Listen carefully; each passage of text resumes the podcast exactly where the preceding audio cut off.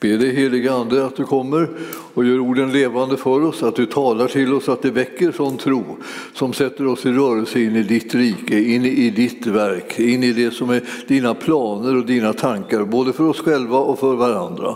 Tack Herre för att du har sån omsorg om oss i både stort och smått och att vi kan räkna med dig. Och din hjälp och din kraft är alltså alltid tillräcklig för att det ska kunna ske som är din vilja, både i och genom våra liv och eh, också i, det, i vårt inre liv, Herre, det som inte är synligt men som är ändå så verkligt för oss. Där kan också du nå oss och göra allting nytt. I Jesu namn. Och församlingen sa Halleluja. Ja, eh, vi ska gå till Andra Thessalonikerbrevet. Den här ehm, eh, kvällen tänkte jag tala lite grann om eh Eh, rubriken faktiskt nästan eh, som står här i, just det tredje kapitlet i Andra Thessalonikerbrevet. Det står bed och arbeta. Det är många som, som har upplevt att arbete är en kämpig del av livet och andra har upptäckt att arbete är en, en väldig välsignelse i livet. Alltså man en väldig glädjekälla. Alltså man tänker nästan så att om man inte fick arbeta skulle man liksom nästan storkna liksom på, på det hela, bara gå omkring och, och eh, försöka hitta på någon slags betydelse i saker och ting som inte finns. Men Herren har talat om det här att om vi kommer in i relationen med honom så kommer han också att finna ett arbete för oss. Det vill säga inte nödvändigtvis en anställning. Det är inte säkert att alla, alla får det, men, men, men, men eh, han kommer att göra att vi kommer att ha någonting att eh, ta, sätta liksom våra tänder i eller ska jag säga, och lägga våra händer vid för att vi, vi ska kunna göra något som sätter spår i den här tillvaron. Jag tror att alla är liksom kallade till liksom att känna att, det, att, de, att, man levde det här. Det ska, det, ha, det ska ha betydelse för Guds rike och för människor som man möter på vägen. Eh, och det arbetet, den uppgiften liksom att, att vara, vara betydelsefull, eh, eh, det, den, den, är, den är väsentlig för varje människa. Och därför när vi ska läsa här i tredje kapitlet så finns det liksom många så att säga, konsekvenser av det här att man tjänar och arbetar och eh, så i Guds rike. Och, eh, och även det här att man har ett vanligt arbete som man liksom försörjer sig på. Det är ju sånt där som ändå är liksom en, en Herrens försörjning. Han är ett sätt, eh, vanligt sätt att försörja människor på är ju att han ger dem arbete som de kan eh, liksom få sin lön utifrån och där de kan få sitt mat och husrum och allt det här. Och när när inte det blir så på det sättet, då, då hittar han andra vägar att lösa de här behoven. Ibland så blir det, blir det sådana där radikala vägar också, det vill säga att han helt enkelt löser allting genom att eh, du får lov att gå på en väg där du sätter tro till Gud, att Gud hör bön. Och det, är hela, liksom, det är hela lösningen på varför du får eh, din försörjning. Och en del människor säger att jag vill inte gå på den vägen, jag tycker att det är alldeles för jobbigt. Ja, ja visst, du, du, kan låta bli att gå på den vägen. får du gå på den andra vägen då. Och den, den har ju också sina påfrestningar kan man säga. Så det här, men när man lär känna Herren så är det så att då blir det, då, då blir det många saker liksom som såg svåra ut innan man kände honom, eh, blev lättare när man nu känner honom. För då blir det inte det här liksom att vem vet vad han hittar på. Det är precis som, tänk om Herren kommer och ska bestämma i ens liv, vad hittar han då på för någonting? Ja, om du inte känner honom så kan du kanske tycka att det liksom känns lite eh, liksom nervöst i magen liksom för liksom att låta Herren komma åt ens liv. Men eh, när man känner honom, då känner man ju att det, det är den största trygghet att låta Herren beröra livet. Men vi befinner oss liksom lite olika långt på den där vägen, alltså i vår relation till Gud. Så det är olika hur vi reagerar på tankarna att eh, Gud ska styra eller ställa i, i livet. Här står det så här, för övrigt bröder, be för oss att Herrens ord snabbt utbreder sig och blir ärat genom, eh, liksom hos er. Han talar till Thessalonika, han säger liksom att eh, Gudsordet har, har brett ut sig och blivit ärat och hos dem som bodde i Thessalonika. Det ligger i en liten stad eller så i, i, i Grekland. Eh, och han säger att, och, att vi blir räddade ifrån fientliga och onda människor. Alla har ju inte tron. Och det är ju ingen överraskning i vår tid. Men så att säga, det har ju funnits tider i de här olika länderna i Europa då, då man nästan skulle kunna säga att de flesta har tron. Men sen är det också många konstiga saker som man kallar liksom för tro. Så att under historiens lopp så har det ju varit groteska ting så att säga, som har skett liksom, eh, med hänvisning till att man är en troende. Och eh, som inte alls har att göra med, med tron eller sanningen. Och det här, eh, men att här, det står så här att vi ska bli räddade från fientliga och onda människor. En, en dag så jag talade med min mamma. Min mamma var mycket eh, stilla och ganska säga, tillbakadragen person. Som hon gjorde inte så mycket väsen av sig. Hon var oerhört aktiv att hjälpa människor och, och, och tjäna i Guds rike och sådär. Men, men hon, eh, hon gjorde det väldigt liksom, så att säga, osynligt på något vis. Och en dag plötsligt så, eh, så sa hon till mig, och så, hon var så väldigt skillnad från min pappa då, som inte gjorde någonting sådär att det inte märktes. Utan det, liksom, det var liksom ganska eh, vad säger, eh, synligt och kännbart att han, att han klev in i ett rum. Eh, då blev det liksom full fart på allt möjligt. Och, eh, och han, eh, han, han busade med folk och han, han bad för dem frimodigt och han, han talade om Gud och han, liksom, han höll på. Alltså, man, man kan känna sig att när han gick ut sen så var det nästan så att alla kände sig vimmelkantiga liksom, över att han hade varit liksom igång. Sådär. Men alltså, han, han, han och mamma alltså, så var ju varandras kontraster. Alltså. Min mamma, liksom, hon, min pappa var stor och, liksom, och liksom, så här, liksom, kändes som dominerande, för han var inte förtryckande utan han, bara, liksom, han fanns. Va? Min mamma hon var så här att när pappa sträckte ut handen så kunde hon passera under. Så här, en liten kort liksom, liten dam så här. Och, eh, och, sen, eh, och här parken så brukar min mamma vara, vara, vara aktiv och vara ute och, och grejade. Och jag visste aldrig att hon var här. Utan för det var någon tillfälle så sa någon så här, din mamma sitter nere och packar liksom eh, missionskassetter eller någonting sånt där. Jaså? Han hade inte sagt någonting till mig så jag liksom fick jag springa ner där och hälsa på henne. Då, så men, nej, hon sa aldrig någonting om sådana där saker som hon gjorde. Och en dag så eh, var det så att jag, när jag var hemma och hälsade på dem där inne i Stockholm så så, så, så, så sa mamma någonting som, aldrig, som, som verkligen överraskade mig. Jag hade aldrig tänkt på det. Liksom. Jag, man fick alltid tänka på vad, vad, pappa höll på med, därför det talade han om. Liksom, så att säga. Och skulle dra med folk i och allting sådär. Men, men vad mamma gjorde, liksom, det såg jag ju liksom att hon, hon, hon tjänade, hon servade folk och hon, hon tog hand om dem och hon uppmuntrade dem. Och liksom, liksom gick. Men det gick liksom till väldigt liksom, eh, stillsamt. Liksom. Så sa hon till mig så här att, ja, Gunnar, sa hon, eh, jag ber alltid där eh, i det här som står i Andra Thessalonikerbrevet eh, kapitel 3 och vers 2. Jag ber att du ska bli räddad från fientliga och onda människor. Jag tänkte, det var, det var, vilken, gör, sa jag. Alltså det, det var ju liksom för mig tänkte jag att det är liksom att få någon slags andlig krigföring. Det var inte alls det jag förknippade med mamma. Liksom. Mamma var ju mild och mild och mild. Så här. Men, men, men, alltså, men hon höll på med någon slags andlig krigföring. Jag tänkte milde tid, nu får fienden akta sig. För liksom, nu, nu har jag någon på min sida som liksom kan, som kan liksom ta tag i de här sakerna ordentligt. För hon var ju liksom en, en, en, en väldigt from kvinna. Alltså. Men vet du, att, att, koppla ihop henne med så här att hon tog upp någon slags strid mot, mot fientliga och onda människor så att inte de skulle få någon möjlighet att liksom i, i, skada mig i, liksom i den tjänsten som jag hade, hade jag aldrig tänkt på. Men du vet att den striden att, eh, mot mörkrets makter, den striden kan varje troende ta upp med framgång. För man behöver inte mer än tro för att kunna liksom strida den framgångsrikt. Och när man tror liksom på Herren så kan man strida den så att, så att mörkrets makter får backa undan. Det är, det är inte, det, det här är ett mandat som vi har fått i namnet Jesus att vi ska kunna ta upp den här striden och tränga tillbaka fienden så att den, han inte kan göra skada.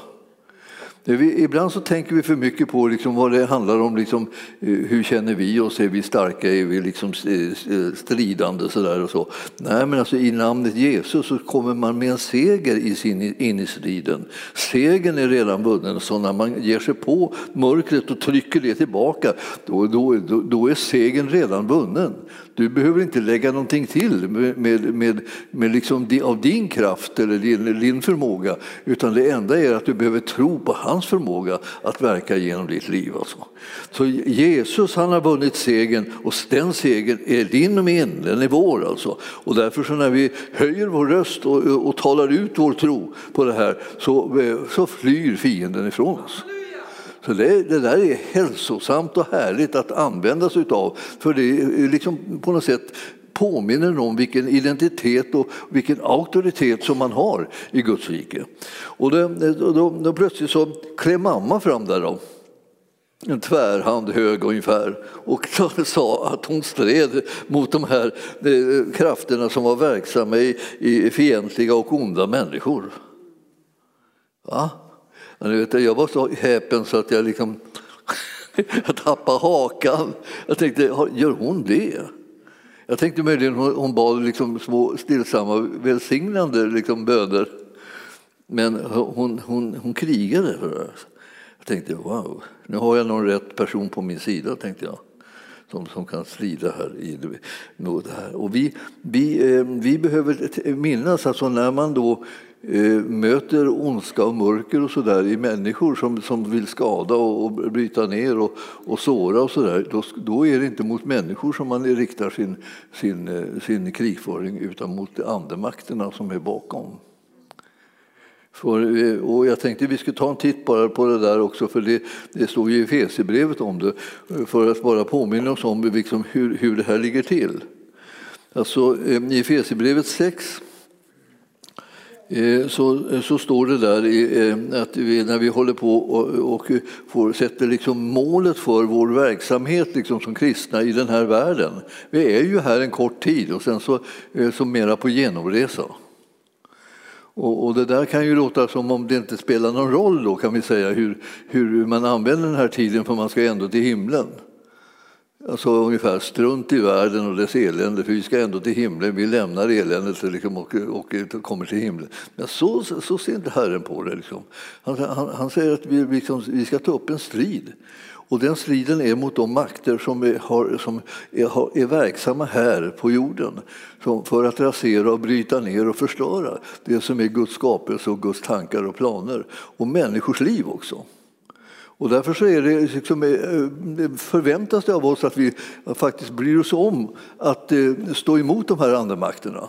Och vi har ju fått löftet om just att, att vi kommer att vinna seger. Det är fienden som får fly och inte vi. Det finns bland kristna väldigt mycket liksom tal om, så att säga, imponerande tal om fienden. Och, och djävulen gör det här och djävulen gör det där och han håller på med allt möjligt hit och dit. Vad, vad han gör det, det har väl ingen betydelse med tanke på att vi har segern.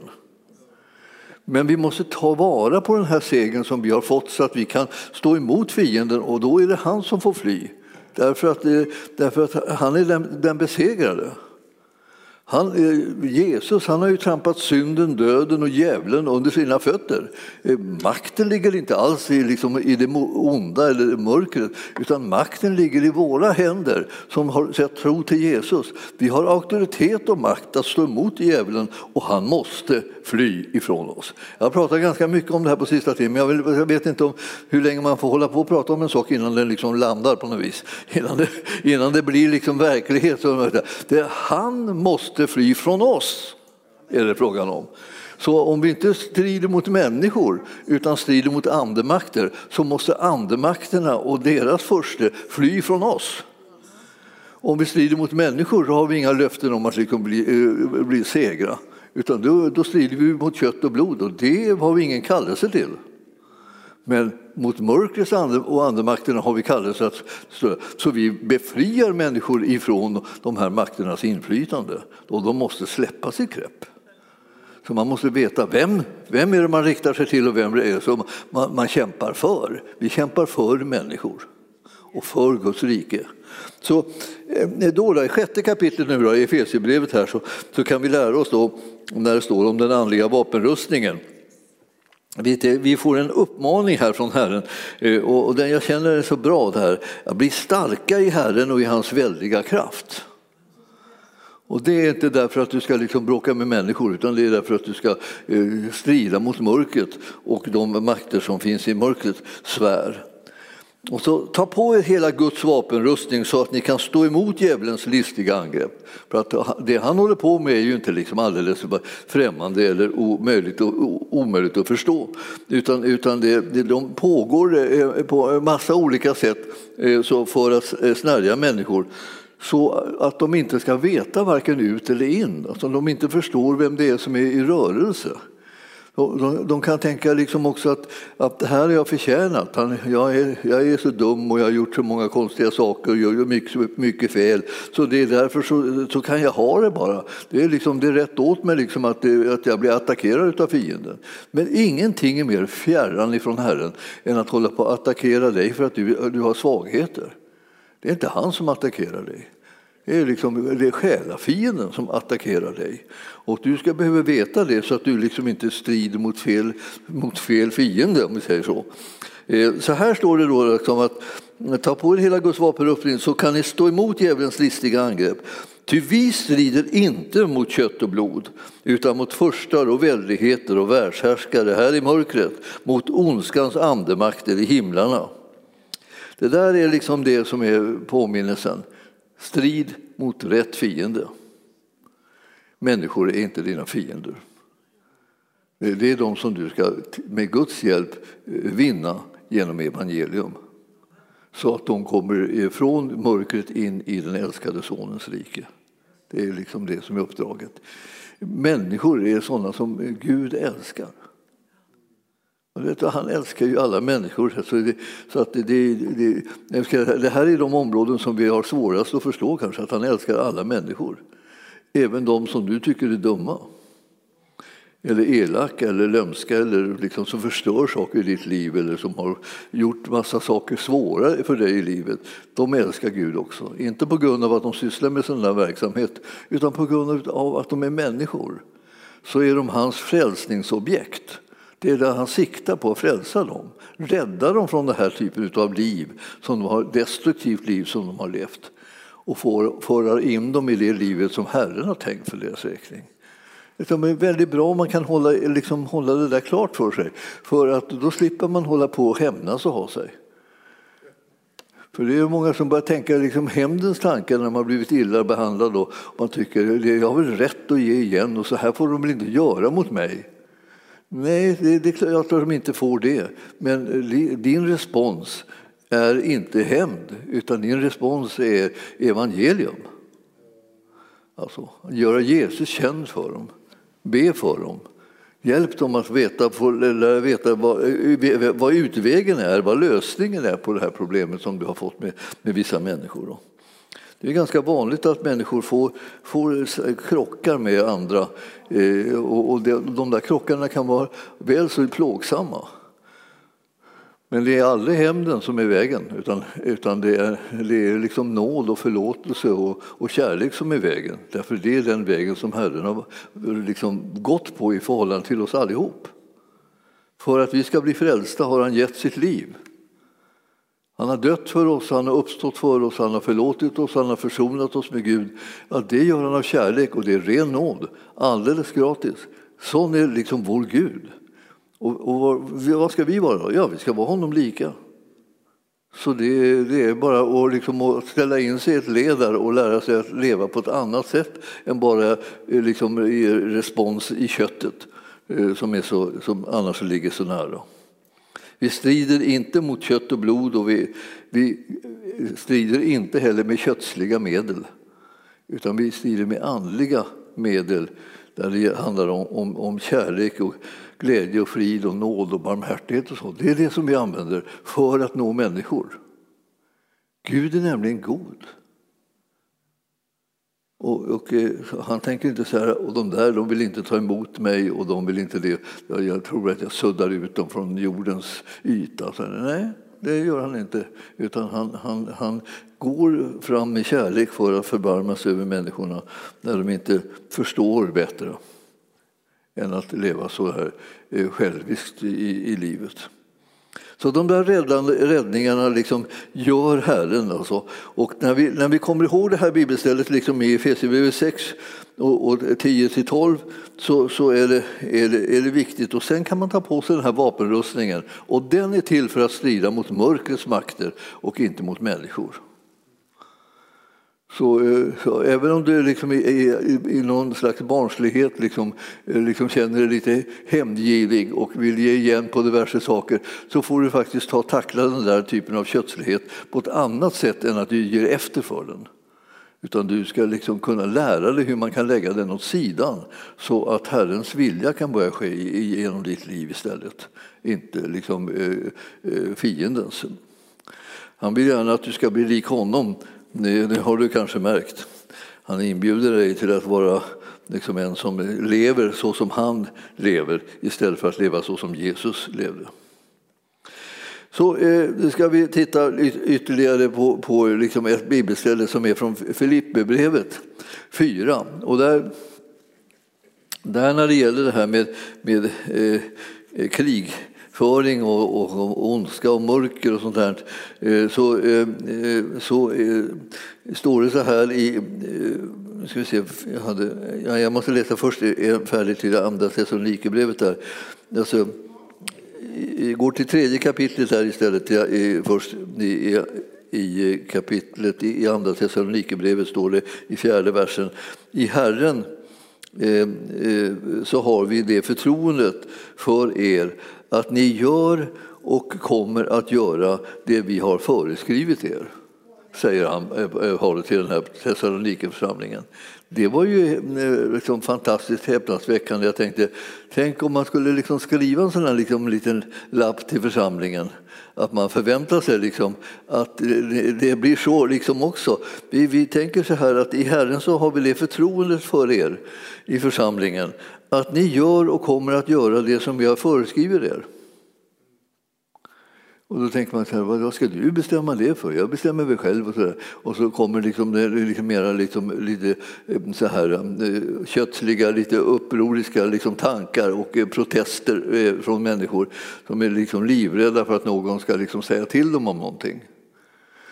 Men så småningom när det blir liksom Eh, Eh, mognar och mognar så har du inte någonting emot att någon ger dig liksom en liten påminnelse om eh, vart, var vägen går. Om när du spårar ur och, och hamnar i något dike så är, så, så är det inte så dumt att någon säger att du kanske skulle försöka ta dig upp ur det här diket och hålla dig på vägen istället så blir inte livet fullt så komplicerat. Jag, jag har ingenting att säga till i mitt liv, jag bestämmer väl det själv. Ja, ja det, det, är det som är risken. Därför vill jag ge dig liksom ett litet tips om vad du kan bestämma då. Och när, jag, när jag var lite yngre så och eh, skulle försöka lära mig franska så, eh, så eh, läst, fick vi läsa den här Lille prinsen på franska.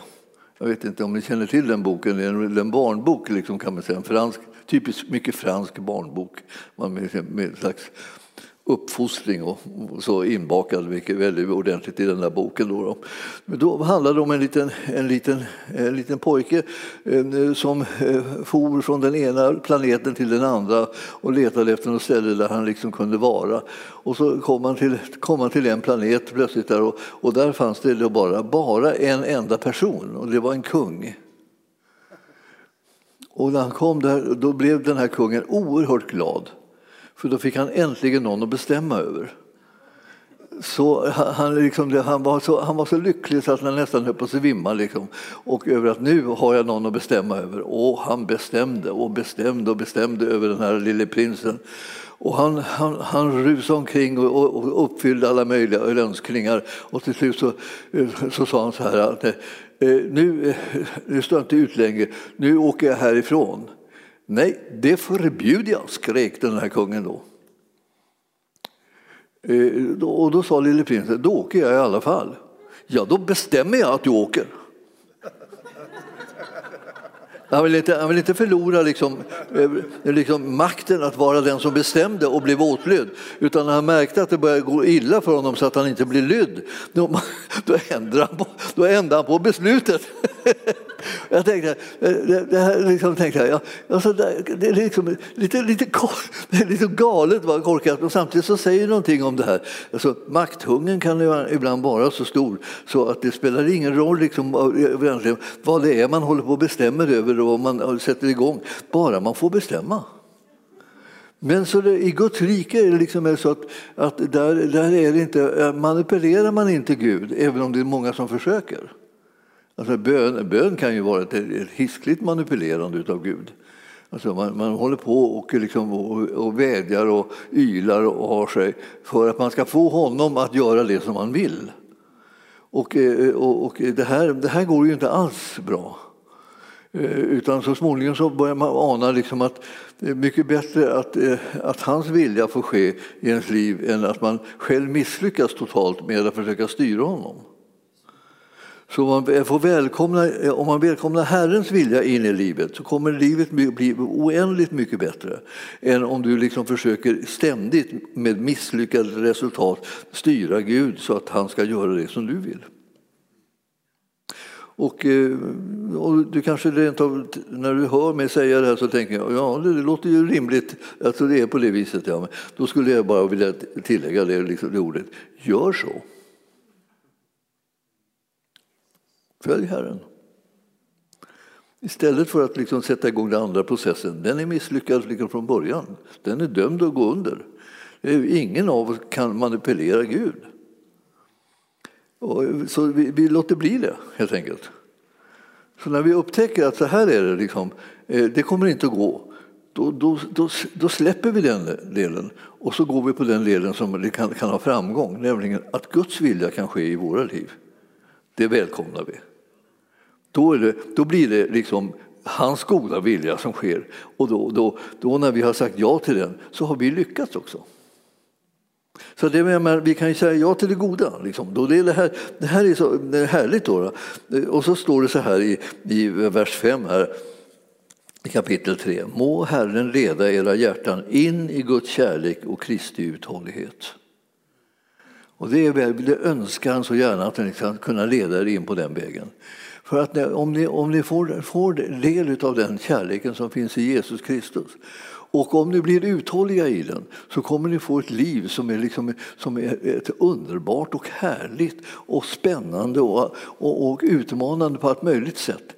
Det här, det här är någonting som, är, som kommer att göra att det, genom ditt och mitt liv, som när vi säger ja till Herren, kommer alltså Herrens vilja liksom att eh, sprida sig och genomföras på, i, på det ena planet efter det andra. Det kommer att bli seger för Guds rike och inte bara för någonting som handlar om att du fick saker och ting igenom, utan det var det att, att det som var på Herrens hjärta, det blev förverkligat genom våra liv. Vi längtar efter liksom att kunna göra någonting som har någon betydelse för andra människor och för Herren. Och då säger han, ja men låt mig komma åt er då. Öppna era hjärtan, låt, låt, låt den kärleken som jag har till er liksom beröra er. Låt, låt det här bli någonting som blir ljuvligt och underbart istället. Så att ni kan med uthållighet liksom, eh, fortsätta att göra Herrens vilja istället för att bara försöka eh, pressa ut er egen och era egna önskningar. Nu vet jag ju att ni önskar göra Herrens vilja, så jag menar det, det är ju inte liksom någon slags allmän kritik, men det finns en frestelse som hela tiden kommer i att man ska försöka använda sig av olika hjälpmedel som finns i Guds rike för att liksom få igenom det man själv önskar. Men vi blir kallade att få igenom vad Herren önskar. Så du ska göra gemensam sak med honom, då kommer hans vilja att kunna bryta igenom. Då kommer människor att kunna bli hjälpta och välsignade. Och då kommer evangelium bli synbart och Gudsriket kommer att utbreda sig. Och det kommer att bli en härlighet utan like. Eh, där, eh, då kommer det ett, ännu ett råd i vers 6 och jag ska bara säga det för att det, det är ett viktigt råd. Alltså eh, bröder, alltså det ni troende. Det betyder inte eh, alltså, brorsor. Utan det betyder alltså eh, ni troende, ni som tror. Vi uppmanar er i vår Herre Jesu Kristi namn att hålla er borta från varje broder eller troende som lever ordentligt och inte följer de lärdomar som, eh, som de har fått av oss. Alltså han säger, liksom, ha inte fel umgänge. Var med dem som vill följa Herren och vill vara trogna mot honom så kommer det bli mycket lättare för er själva att följa honom. Om du liksom väljer liksom någon som, som hela tiden vill liksom på något sätt tumma på det som är liksom Herrens vilja och inte göra den och inte genomföra den och, och, och alltid föreslå andra saker som får, får en vilse. Så var inte med dem, för, du, för livet är, är ganska komplicerat ändå eh, utan att du behöver liksom eh, sitta och vara med personer som hela tiden försöker dra dig ut på vägar som du inte ska gå på. En del av oss har ju haft sådana erfarenheter i livet alltså vi har fått svårigheter eh, därför att vi, eh, vi har haft brister i vårt liv och så har vi hållit oss till dem som har samma brister. Så att om du har en brist i livet, liksom en svaghet och någonting sådär, så, så, så söker du upp gemenskap och umgänge med dem som har samma svaghet. Och så sitter ni där och, liksom och spär på den svagheten som ni har gemensamt istället för att ni håller er borta från dem så att ni kan liksom börja välja en annan väg än den här där, där synden och svagheten liksom blir eh, det dominerande. Det här står ju i Bibeln och det är ett råd och det är ett jättebra råd alltså. Och, och eh, jag, jag kände ibland så att jag hade, jag hade bröder, bröder liksom i, i församlingen där jag, där jag arbetade tidigare. Så, så då hade jag sådana som hade väldiga svagheter, liksom, eh, särskilt med, när det gäller liksom olika droger och sådär. Och, eh, jag, jag, jag, försökte få dem hela tiden att, att inte söka upp den gamla gemenskapen. Alltså, eh, det, det, var inte, det var inte lätt. Alltså de, de ville så gärna liksom på något sätt, eh, de ville gå dit, först ville de gå dit för att liksom tala om att de hade liksom minsann blivit fria från det. Men, men eh, ja, alltså om man går någonstans så där, man går dit men man går därifrån snabbt. Och helst tar man med sig någon därifrån till något ställe som är mer hälsosamt än, det, än den gemenskapen som de kan erbjuda. Man tar dem därifrån alltså. Men går man dit och slår sig ner där och ska försöka vara så, vara så normal som möjligt och säga att ja, jag är kristen men jag är precis som ni i alla fall. Så här. Jag ska tala om för det är du ju inte och är du det då är det ju katastrof. Du, om du har blivit kristen då har du blivit född på nytt. Du, är liksom, då har du fått ett helt nytt liv. Det är det som du vill visa dem. Ta dem då därifrån de sitter och någon annanstans. Så därför när vi läser Saltaren, och det gör ni väl säkert då och då, för det liksom är en bra bönebok. Och då läser Saltaren nummer ett, så står det sitt inte där bespottade sitter. Jättebra ord för alla som liksom kämpar med sån här äh, förflutet som, som, som ibland liksom pockar på.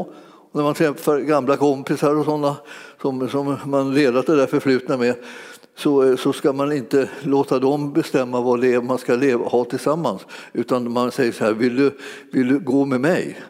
och eh, lära känna Jesus, så kom. Men jag kommer inte sätta mig där du sitter nu.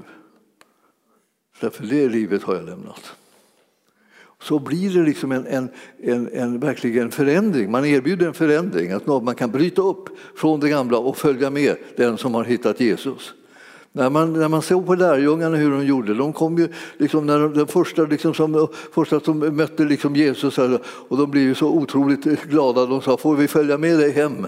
sa de då, då. Ja, kom bara så går vi hem till mig, sa Jesus. Och så gick de hem till honom och så såg, han där, hur, såg de hur han bodde och vad han gjorde för någonting och där var de hela dagen. Men sen mötte de sina andra kompisar och så sa de så här, nu ska ni, vi har hittat Jesus. Och så, ja, så det kan väl liksom, han, ja, han är Messias. Jag hade knappt tro. Kom och se. Så tog de, då tog de dem till, till Jesus istället för att de liksom försökte leva en massa gemenskap i det gamla livet med de här kompisarna för att visa att de var normala fortfarande. De behöver inte visa att de är normala, de är inte normala längre. det var, eller, alltså jag menar, vi är inte normala, vi är, liksom, vi är helt annorlunda. Liksom. Vi har blivit liksom helt, helt berörda och förändrade genom att vi, vi möter Jesus och, och följer honom. Det är, inte så, det är inte så. Man ska inte säga jag är precis som du. Jag, när, jag, när jag var ung präst i lutherska kyrkan så, så gick jag omkring och eh, hade för mig liksom att det skulle vara så väldigt bra om jag sa till folk som jag träffade att jag är precis som ni. Alltså, de var inte frälsta då, men jag, jag, jag är en vanlig människa precis som ni. Så här. Det tyckte jag var jättebra att säga. Oh, vad, vad de ska bli attraherade av det, vad de ska tycka att jag är normal. Så här. Och, och, och, då börjar de säga så här, du är, du är så bra med dig, du är en modern präst. Liksom. Det är precis som vi. Vad var det för skrutt jag hade liksom slagit i dem? Alltså. Men jag, jag, jag trodde att liksom det skulle göra det enklare för dem att komma in i, i, i Guds rike. Va? Och jag höll på med det där. Då. Och på den tiden så spelade jag liksom i, i ett, ett, musikband. Då, då. Och eh, så eh, var, var vi ute och, och det där spred sig liksom att jag var, jag var präst då, och, eh, och jag var precis som dem i alla fall. Och det tyckte alla så här bra nu, liksom. vi ska sticka hem till den och den liksom, och, och, och, där skulle de dricka då. Liksom, och, så där. Och, och, det, och då sa de här, ja, ja, ja, Gunnar kan följa med, han är, han är precis som alla andra. Så här. Och, du, och då kom jag på det, det är jag inte, tänkte jag. Det, det, så att det, det började bromsa i mig så här att jag tyckte nu hade det här gått så långt liksom, att, jag, att det är ingen mer. Varför skulle de, vad skulle de ha med mig till när jag ändå inte kunde erbjuda en förvandling? Jag måste erbjuda liksom att här går vägen, här, här, här, är, här är evangelium, här är Jesus. Det är han som är betydelsefull att man lär känna och får sitt liv förvandlat av honom. Annars blir man ju inte räddad. Annars är man ju där man är, liksom, i någon slags eh, återvändsgränd hela tiden och kommer inte ur, ur fläcken. Det ska, det, ska, det ska du ta ur dig med samma, liksom, om, om du är troende. Så kom inte och påstå att du är som andra. Du, du är som Jesus. Och hjälp, tänkte jag, är jag som Jesus? Tänker jag, ska jag, ska jag, ska jag säga så här, hej, jag är som Jesus? Nej, men du ska vara som han. Det är inte meningen att du ska skrämma vettet ur folk och tänka att, liksom, att de, de, tror att du har blivit liksom allvarligt sjuk eller så. Utan du, utan du, ska, du ska bara, du ska bara tala, om, tala om för dem vad ditt ärende är. Ditt ärende är att de ska få lära känna Jesus och förstå vad han har gjort för någonting så att de kan bli frälsta. Du ska tala om för dem hur de blir frälsta också. Alltså, du ska bete dig helt annorlunda än, än, liksom, än någon sån som säger att du är precis som alla andra. Vad har man för nytta av dig då? då? Eh, va? Eh, om du är som alla andra, då är det hopplöst, Då är de för, eh, garanterat förlorade. Inte kommer, inte kommer evangelium fram genom att du beter dig som alla andra. Du ska ju bete dig så, så, att du blir ett vittne om vem Jesus är, vad han har gjort för människorna genom sin död och uppståndelse. Hur han har förlåtit dem deras synder, hur han har försonat dem med Gud, milde tid. Det är ju liksom, det är skillnad det på liksom vad, vad folk är så här, så här, i allmänhet. Det där det, det, det är alltså, ja, jag, jag, jag, när jag hade varit på den där, eh, den där spelningen där, det var ett bröllop eh, Eh, som vi spelade på då. Och när jag hade varit på det där eh, bröllopet och eh, och hamnat i de där situationerna där jag måste liksom sätta mig på tvären mot det här, att jag var som alla andra. Och jag har ju fått erfarenheten av att, liksom att när man talar om att man inte är som alla andra så blir folk intresserade av det och börjar ställa frågor. De har aldrig hittat dem förut. De trodde att de kristna var slut. Alltså, det fanns inga längre. För de stötte aldrig på några. Och det var i alla fall ingen som sa att de var eh, kristna då, utan de stötte på sådana som, som inte sa det. Och, och vad hjälper det då? Då vet man ju inte att man kan ställa några frågor heller. Men sen när man, om man börjar liksom kännas vid att man är en troende så börjar människor som liksom undrar över det här med livet och, och, och, och tillvaron och alltihopa, då kommer de med sina frågor. Väldigt härligt vilka bra frågor folk har. Och då får man svara på de här frågorna och så ska man vara så tydlig och radikal och enkel som möjligt. Inte, inte hålla på att trassla in sig i någon slags teologiska utläggningar eller sånt där. Man behöver inte heller liksom ge sig in och förklara ja, korstågen vilket folk ibland vill bara säga till dig. Och jag vill säga till dig, eh, hör vad människor frågar om när de, när, de, när de säger saker till dig, när de får reda på att du är kristen. Så kan jag, då säger de, hur är det då med korstågen? säger de då. Och då en, en vanlig kristen blir jätteattackerad av det och känner liksom att fy katten, nu måste jag förklara de här korstågen. Och nu, nu, nu, nu, eh, nu, nu kommer de att kritisera mig så här om jag inte kan förklara dem bra. Eh, och, och, och det är alldeles att missuppfatta frågan. Och när de säger hur är det med de här korstågen? Då är svaret på det, jaså, du vill prata om, om Jesus? Säger man då. Man, säger inte, man pratar inte om korstågen då, utan man fattar att de vill på något sätt få igång ett andligt samtal. Samtalet är Jesus då. Du vill, vill ställa någon fråga om Jesus?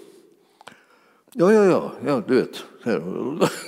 Ja, och, så, och, så, och så sätter det igång med att de liksom börjar småfråga lite grann. Och så märker de liksom att du sitter inne med en massa kunskap om det som de inte har en aning om. Och då tänker de, det här gäller att passa på. Så då börjar de fråga och då, då ska du vara kort i dina svar. Därför att om du har lite kort så kan de få mer smak.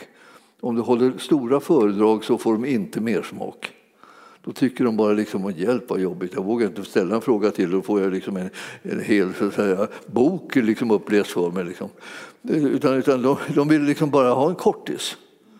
Och så, så att de känner att det, liksom, det där var intressant. Och sen kan du bara hjälpa dem och säga så här, och vi kan prata mer om det en annan gång, säger du. Och så avslutar du det där samtalet, fastän du hade jättemycket mer att säga. Jag vet, det är som, det är som harakiri. Alltså man, man känner att man liksom, liksom nästan sliter ut sitt hjärta. Man skulle vilja hålla, sitta hela natten och bara berätta allt för dem. Men, men de klarar inte av att höra det, så det, det är ingen idé. Utan låt dem liksom längta efter nästa möte istället. Alltså, jag menar då ett träff, inte, inte ett möte. Det, de, eh, det är ännu liksom kanske inte riktigt det som de längtar efter. Nej, ni förstår, eh, vi, vi är ett annat folk. Och vi ska föra ut evangelium. Och vi ska bedja om befrielse för människor från de onda makter och krafter som verkar i det här samhället och i den här världen. Så att de kan ta emot frälsningen istället. Och, vi, där, där, får vi bedja för dem och stå i tro för att de ska hitta vägen ut ur det här. Och när de ställer frågor så ska vi svara på det efter, bästa förmåga, men kort så kommer vi att kunna hjälpa dem på vägen. För att det här, att bli frälst, det är det bästa som kan hända en människa. Och det är också det som är mest bekämpat så att säga, från mörkrets sida. Att de ska inte få reda på hur de ska bli frälsta. De ska inte få reda på hur det går till. Alltså. Och det är så ruskigt enkelt att bli frälst därför att Jesus har gjort allt det som var svårt. Så det är ju liksom bara kvar det enkla. Och det enkla är att, att tro på det som han har gjort för oss. Han har dött för oss, för på grund av vår synd så har han dött. Och han har uppstått ifrån de döda eh, när, han hade, eh, när synden var bestraffad i hans liv. Så blev, uppstod han för att vi skulle bli rättfärdiggjorda, det vill säga godkända av Gud. Så var det en som tror på honom och det han har gjort, men alltså blir, har rätt att betrakta sig som godkänd av Gud. Alltså rättfärdig. Och jag, jag, jag, tycker om att säga det ibland, så jag säger idag också, då, då, att jag är en fullkomligt rättfärdig man. Ja. Jag vill bara tala om det för er, om ni undrar vad jag är för en typ, så är jag en fullkomligt rättfärdig man. Alltså. Och, tänker, och det handlar inte om du, så du ska, kan inte börja grubbla över om det inte är något fel på mig. För, för det är det säkert något här och där, fel på mig. Men så det, Herren har rättfärdiggjort mig. Det är han som har rättfärdiggjort men det är inte jag själv som har gjort mig rättfärdig. Hur jag ska förvandlas till hans likhet, det kommer sen, efter det att jag har tagit emot rättfärdigheten som är godkännande från Gud. Då kan jag börja förvandlas till hans likhet. Så ni förstår, det ska gå i rätt ordning och då blir man liksom trygg i det. Alltså det, det, det, här är en gratis gåva, allting är nåd bara, det är Guds kärlek till dig och mig. Och, och för var och en som vill bli frälst så är det bara att ta emot det i tro. Då säger man Jesus kom in i mitt hjärta och fräls mig. Och när man, när man har sagt det eh, så, så kommer han och så frälser han dig och förlåter dig din synd. Och därmed så är du född på nytt och, och tillhör Guds familj. Och sen ska du lära dig hur det där är i den där familjen. Det kommer sen bit för bit. Det är liksom inte, du behöver inte kunna allting från början, du behöver inte kunna någonting från början faktiskt om man ska vara riktigt ärlig. Det är bara det Jesus handlar om. Du behöver Jesus, alltså det är det som alla behöver Jesus. Det, det ibland, jag brukar prata ibland med Peter Jungel och då säger han, så här, säger han då, eftersom han rör sig väldigt mycket bland muslimer liksom så, och predikar, liksom, så säger han alla människor oavsett vilken religion de tillhör behöver veta eh, att, att, hur man tar emot Jesus. Han är till för dem också. Och då tänker jag, ja men vänta då, till de andra religioner, då, får, då, då, får, då måste vi ha bort liksom deras religion. först. Nej, vi ska ha till Jesus. De har rätt att få veta om Jesus. Och det, det, det är som att det händer någonting då. Det här är inte en konfrontation, så att säga. det här är ett erbjudande att få lära känna frälsaren. Alla har rätt att få lära känna frälsaren. Och tänkte jag, men snälla någon. Eh, det, det, det, tänk, tänk, om någon, någon som har en annan religion plötsligt tar emot frälsaren. Ja, är det inte det vi vill? Är inte det som vore underbart för dem? Ja, men eh, förstår, de, de måste förstå att liksom, de kan, kan inte bara ta emot frälsaren, det måste bli väldiga förändringar i deras liv. Ja, vad har du med det att göra? Det kommer, liksom, det, det kommer liksom klarna, de har tagit emot frälsaren. Det är han som frälser. Det är han som räddar dem, det är han som hjälper dem, det är han som öppnar deras ögon, det är han som väcker tro i deras hjärtan, det är han som eh, för dem vidare på vägen. Alltså, vi, är inte, vi, vi är inte ängsliga för att Jesus griper in. Vi måste ju tycka att det är en fördel. Släpp inte in Jesus här. Det här är, det här är inte ännu, de, de är inte mogna för det här ännu. Det är ingen som kan bli mogen för. Det, är en, en, det här är en gåva av nåd. Ja, det där får du kanske smälta. Du kanske liksom tycker att du blev lite upprörd nu. Då. Och, och då kan jag säga genast att det, det du nu känner det, det är det som kallas för kötslighet om du undrar, undrar om du blir upprörd över det här. Det är kötslighet alltså. Därför att de tycker, du tycker att det är så mycket villkor för att människor ska få ta emot Jesus. Alla har rätt att ta emot Jesus. Hans, hans, han har gett sitt liv för alla människor redan. Har de inte rätt att få veta det? Jo, visst. Visst, visst, visst, visst. Ja, jag hoppas att jag inte retar gallfeber på det där. Och, och, men jag, jag, jag, går vidare i den här, den här eh, liksom, utläggningen. Här. Alltså, Filipperbrevet ska vi gå till. Eh, och jag ska avsluta lite grann med det nu. Då. Filipperbrevet 4. Och det blir 6 och 7 och 8 verserna där. Efesierbrevet eh, Filipperbrevet, så i den ordningen kommer det. Eh, alltså, om man letar här från Galater, där har vi Filipperbrevet och så var det fyra. Eh, sex. Eh, där har vi det. Gör er inga bekymmer för något, utan låt Gud i allt få veta era önskningar genom åkallan och bön med tacksägelse. Då ska Guds frid som övergår allt förstånd eh, bevara era hjärtan och era tankar i Kristus Jesus. Och för övrigt bröder, så allt vad sant är, vad värdigt och rätt, rent och rent eh, är allt som är värt att älska och uppskatta, ja, allt som kallas dygd och förtjänar berömd. Tänk på allt sådant. Eh, ni förstår att det här liksom är liksom lite råd hur man, skulle, hur man skulle göra här. Eh, man, man, vill ha Guds frid som övergår allt förstånd. Eh, jag, jag, har märkt mer och mer på senare tid alltså, att människor egentligen längtar efter Guds frid. Eh, vi, vi tänker att eh, det låter så högtidligt, men vad, så är, vad, vad, vad, vad, är, vad är det som är Guds frid? Ja, det betyder ju egentligen nästan som fred. Alltså det betyder liksom att du får en, en, en vila som är invärtes. Och eh, den där vilan är liksom att du inte befinner dig i en orolig kamp längre.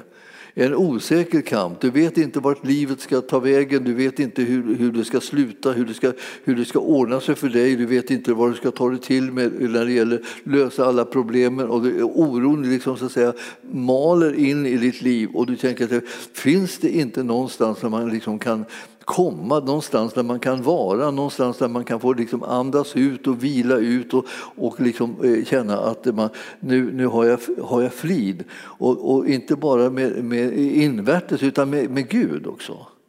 Att han är inte längre någon som är liksom i, i, konflikt med mig och jag med honom, utan vi, vi, är, vi har slutit fred. Därför att Jesus har kommit och han har gett sitt liv för att du och, och Gud ska kunna ha fred. Och det här, därför så gör, gör er alltså inte bekymmer utan låt Gud få veta era önskningar genom åkallan och bön med tacksägelse. Det är liksom en, en, en sätt att förhålla sig till det här nu då.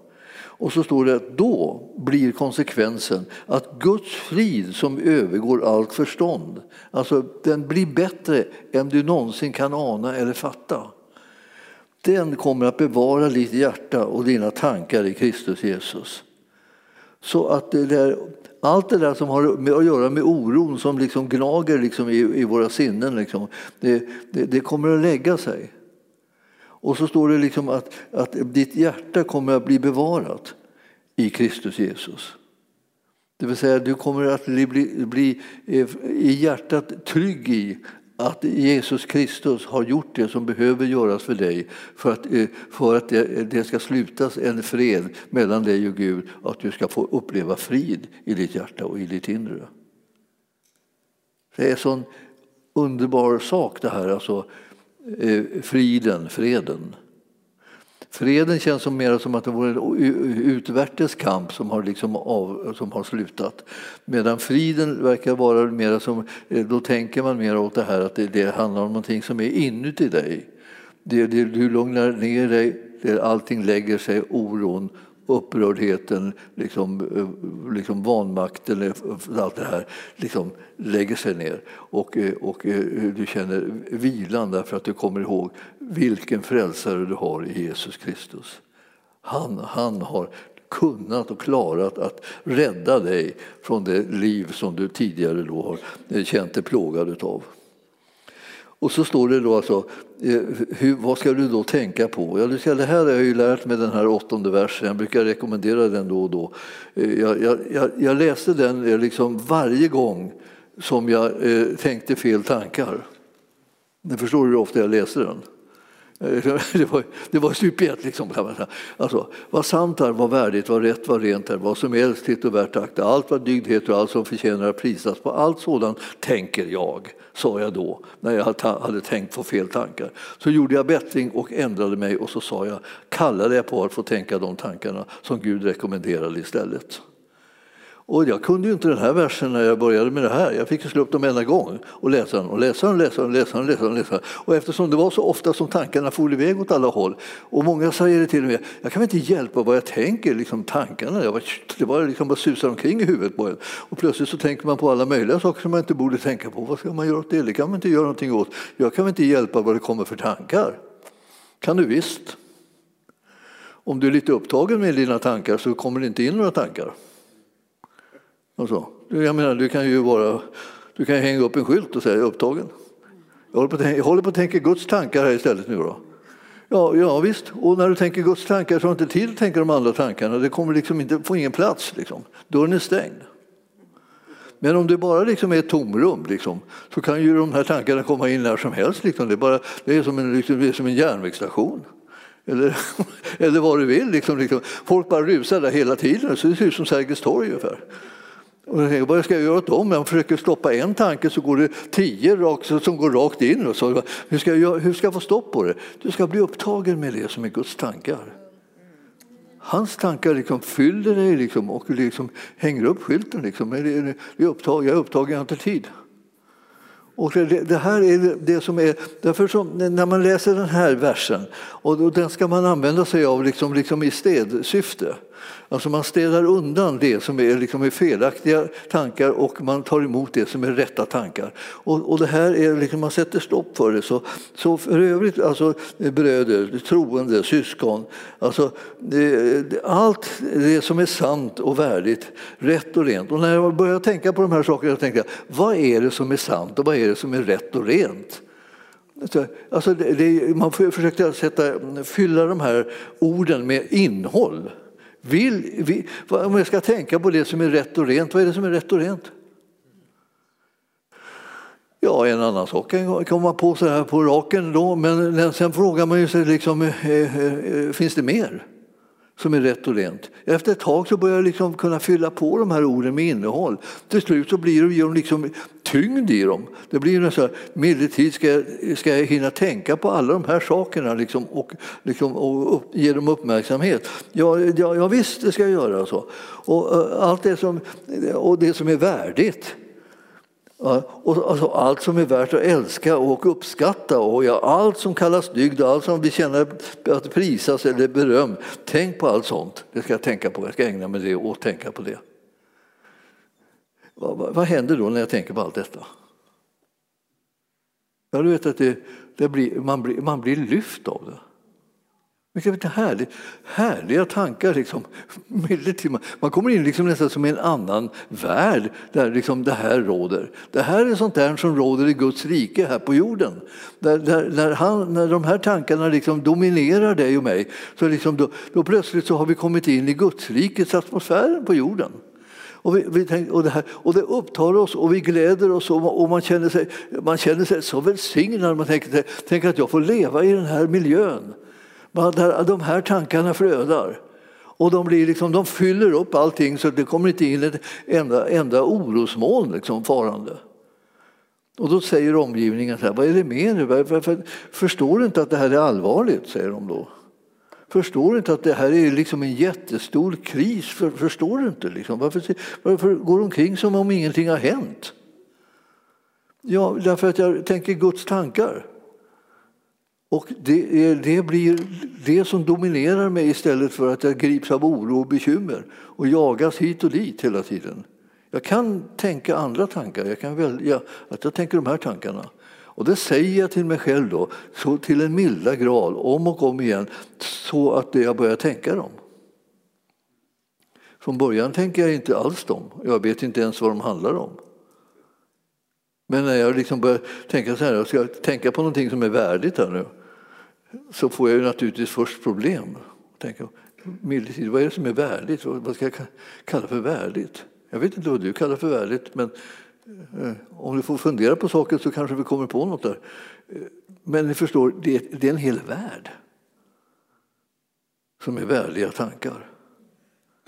Och när man får del av de här så får man del av ett beskydd som gör att mörkrets tankar och gärningar och så tränger inte in. Bekymren får inte plats.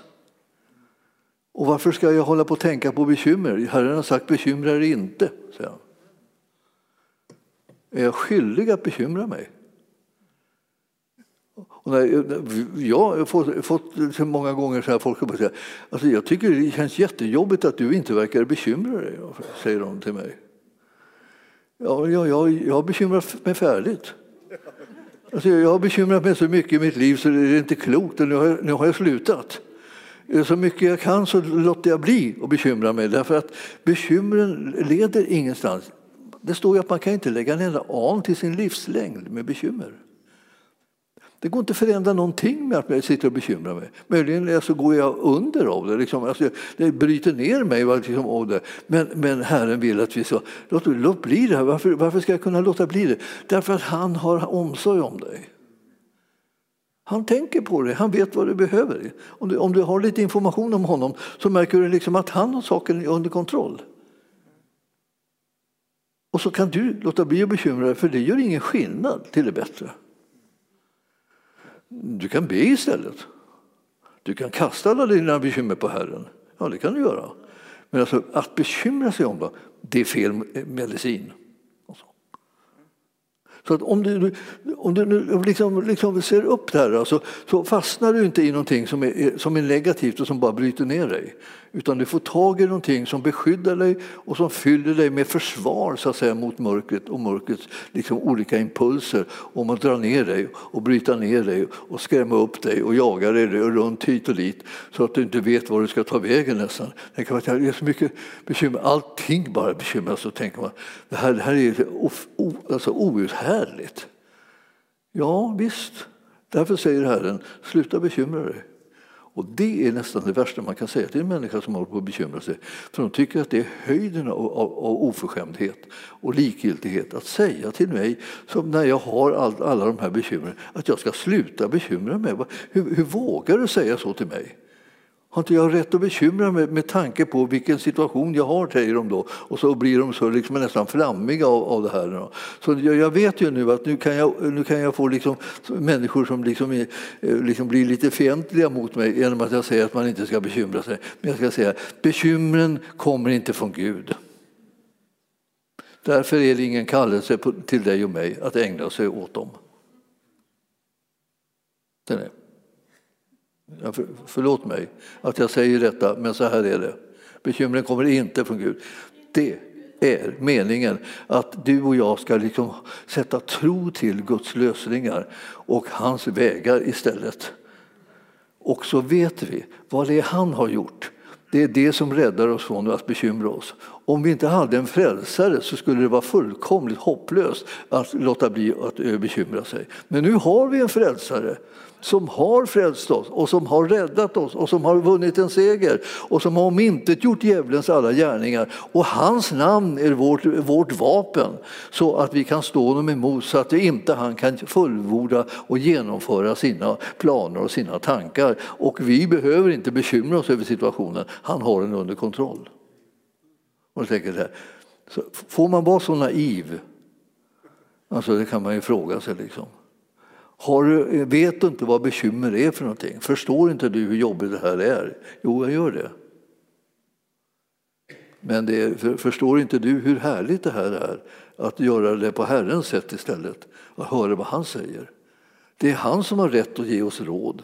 Vi, vi, vi själva, när vi är varandra då, så brukar vi bara stryka varandra medhårs och säga stackars gubben och stackars lilla gumman hur det är, det här är fruktansvärt. Det är, det, jag håller med dig, det här är hemskt. Alltså att det här, här, någon borde göra någonting åt det, liksom, så här så pratar vi då. Och jag förstår precis hur det är. Och, och det, det, vad, vad är det för någonting?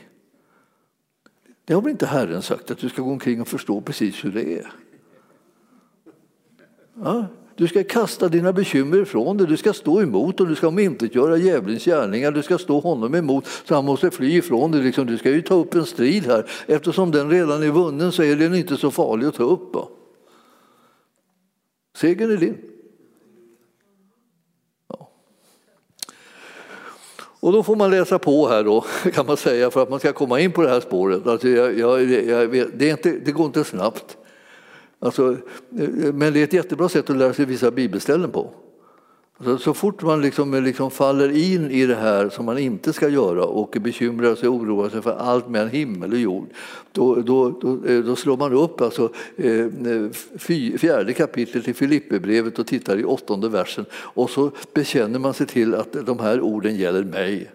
Jag ska liksom inte liksom göra det här. Jag ska inte liksom bekymra mig för de här sakerna utan jag har en helt annan uppgift att tänka på. Allt det som är sant och värdigt och rätt och rent, allt det som är värt att älska och uppskatta, ja, allt som är dygd och förtjänar beröm. På allt sådant har jag en kallelse att tänka. Och så är det, går en sekund och så tänker jag på något annat igen och då, då går jag tillbaka till versen och så tar jag den en gång till och så säger jag på allt sånt här tänker jag. Och, och så går det liksom två sekunder och så är jag inne på något annat spår igen liksom, och så tar jag versen igen och det dröjer inte länge förrän jag kan versen.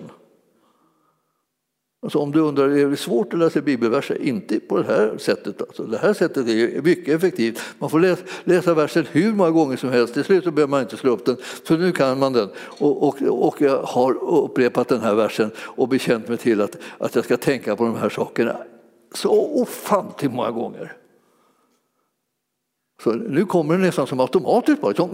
Så fort, så fort jag liksom bara, tankarna försöker liksom hamna med någonting som, är, som inte Herren har initierat, tjong så kommer den här fjärde, fjärde kapitlet och åttonde versen eh, och så sätter den igång och maler liksom igenom. Så här. Ja, det, eh, och då, då, kan man säga, och så, så säger Herren till er, bekymra dig inte, kommer du ihåg nu? Jag kommer ihåg det. Jag ska inte bekymra mig. För jag kommer ihåg allt det här andra du har sagt. Allt vad du har gjort, allt vad du har gett, allt vad du förmår, all, alla lösningar du ger. Jag kommer ihåg allt det där, eh, så jag bekymrar mig inte. Det finns faktiskt inte någonting kvar som, som jag be, behöver bekymra mig över. Och framförallt finns det ingen liksom, mening med att hålla på och bekymra sig. Det hjälper nämligen inte. Får, får jag säga det en gång till? Alltså, att bekymra sig hjälper inte. Så, så sluta! Ja. Jag vet, det är liksom otillåtet att säga det, att man ska sluta när man bekymrar sig. Liksom. Om någon sitter och bekymrar sig så, så är det någonting i en som säger så här, åh, jag måste liksom, liksom stötta den liksom, och hjälpa den på något vis. där. Och så, men, men det känns alltid som en kalldusch att säga till den, bekymra dig inte. Då tycker de, fy vad hård han är. Hur kan han gå och säga till mig, som har så mycket bekymmer att jag inte ska bekymra mig? Jo, det ska jag tala om för varför jag kan säga det. Därför att Herren har sagt det. Han har nämligen sagt, det här är utvägen, sluta bekymra dig. Ja. Jag har fått många ovänner känner jag på mig. Men, men efter ett tag så går det över och så tänker vi så här, det kanske inte är så dumt ändå, varför ska jag hålla på och bekymra mig när Herren har sagt att jag inte ska det? Ja, det är det man undrar. Och, eh, eh, och, och, livet är mycket, mycket lättare och härligare eh, att leva när man inte bekymrar sig och håller på med sådana här fåfänga grejer. Alltså. Utan tänker på hans tankar. Man blir så upplyftad och stärkt av att tänka på Herrens tankar istället. Vilken glädje det är att ha en Herre som har vunnit seger vilken glädje det är att ha en frälsare som har lyckats frälsa. Liksom, vilken glädje det är att liksom kunna ha en frälsare som talar sanning och när han ger en ett råd, om man, om man gensvarar till det, så, så, så blir det våldsamma härliga konsekvenser av det. Vi, vi, vi, lever i världen, men vi lever inte av världen. Vi ska inte leva på de villkor som är i världen. Vi ska leva på de villkor som gäller för Guds rike. Där bekymrar man sig inte. Där har man tro på Gud. Ni vet, det är precis samma sak. Det är ungefär samma effekt. Liksom, att någon kommer och säger när man har massa bekymmer och svårigheter, ha tro på Gud, säger de då. Då känner man sig, ska de smocka? Jag, jag, jag, jag, tål inte sådana där typer av liksom ord. Och här. Varför det? Det är ju Herren som har sagt det i sitt ord. Ha tro på Gud. Och det blir för enkelt. va? Och det blir för omöjligt och det känns hånfullt. Men det är lösningen. Älska lösningen. Och tänk på, kommer den från Herren så håller den och är rätt. Himmelske Fader, vi tackar för ditt ord och vi ber att det här ska liksom sätta eh, eh, sin prägel på oss i vårt inre så att vi vågar gå på dina vägar även om de känns alldeles väldigt radikala och nästan liksom hänsynslösa i sitt sätt att bara tala om lösningen på det som vi inte har hittat någon lösning på tidigare. Vi ber här att vi ska kunna förstå att det, den lösning som du ger, den håller, den är verklig och det, den, den förändrar alltsammans. Det blir, det blir så att din vilja vinner seger och, och vi blir delaktiga i den segern. Och din kärlek har övervunnit allt det, allt det onda och, och din kraft har kommit och hjälpt oss ut i det som har vunnit oss tidigare.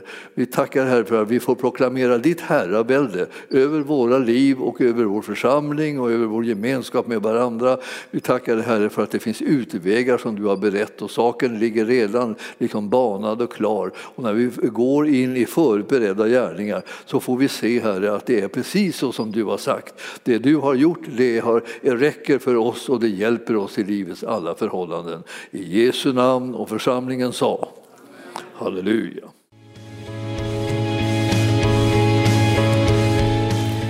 Tack för att du har lyssnat. Vill du få del av mer information om församlingen Arken, vår helande tjänst, bibelskola och övriga arbete, gå in på www.radioplay.org.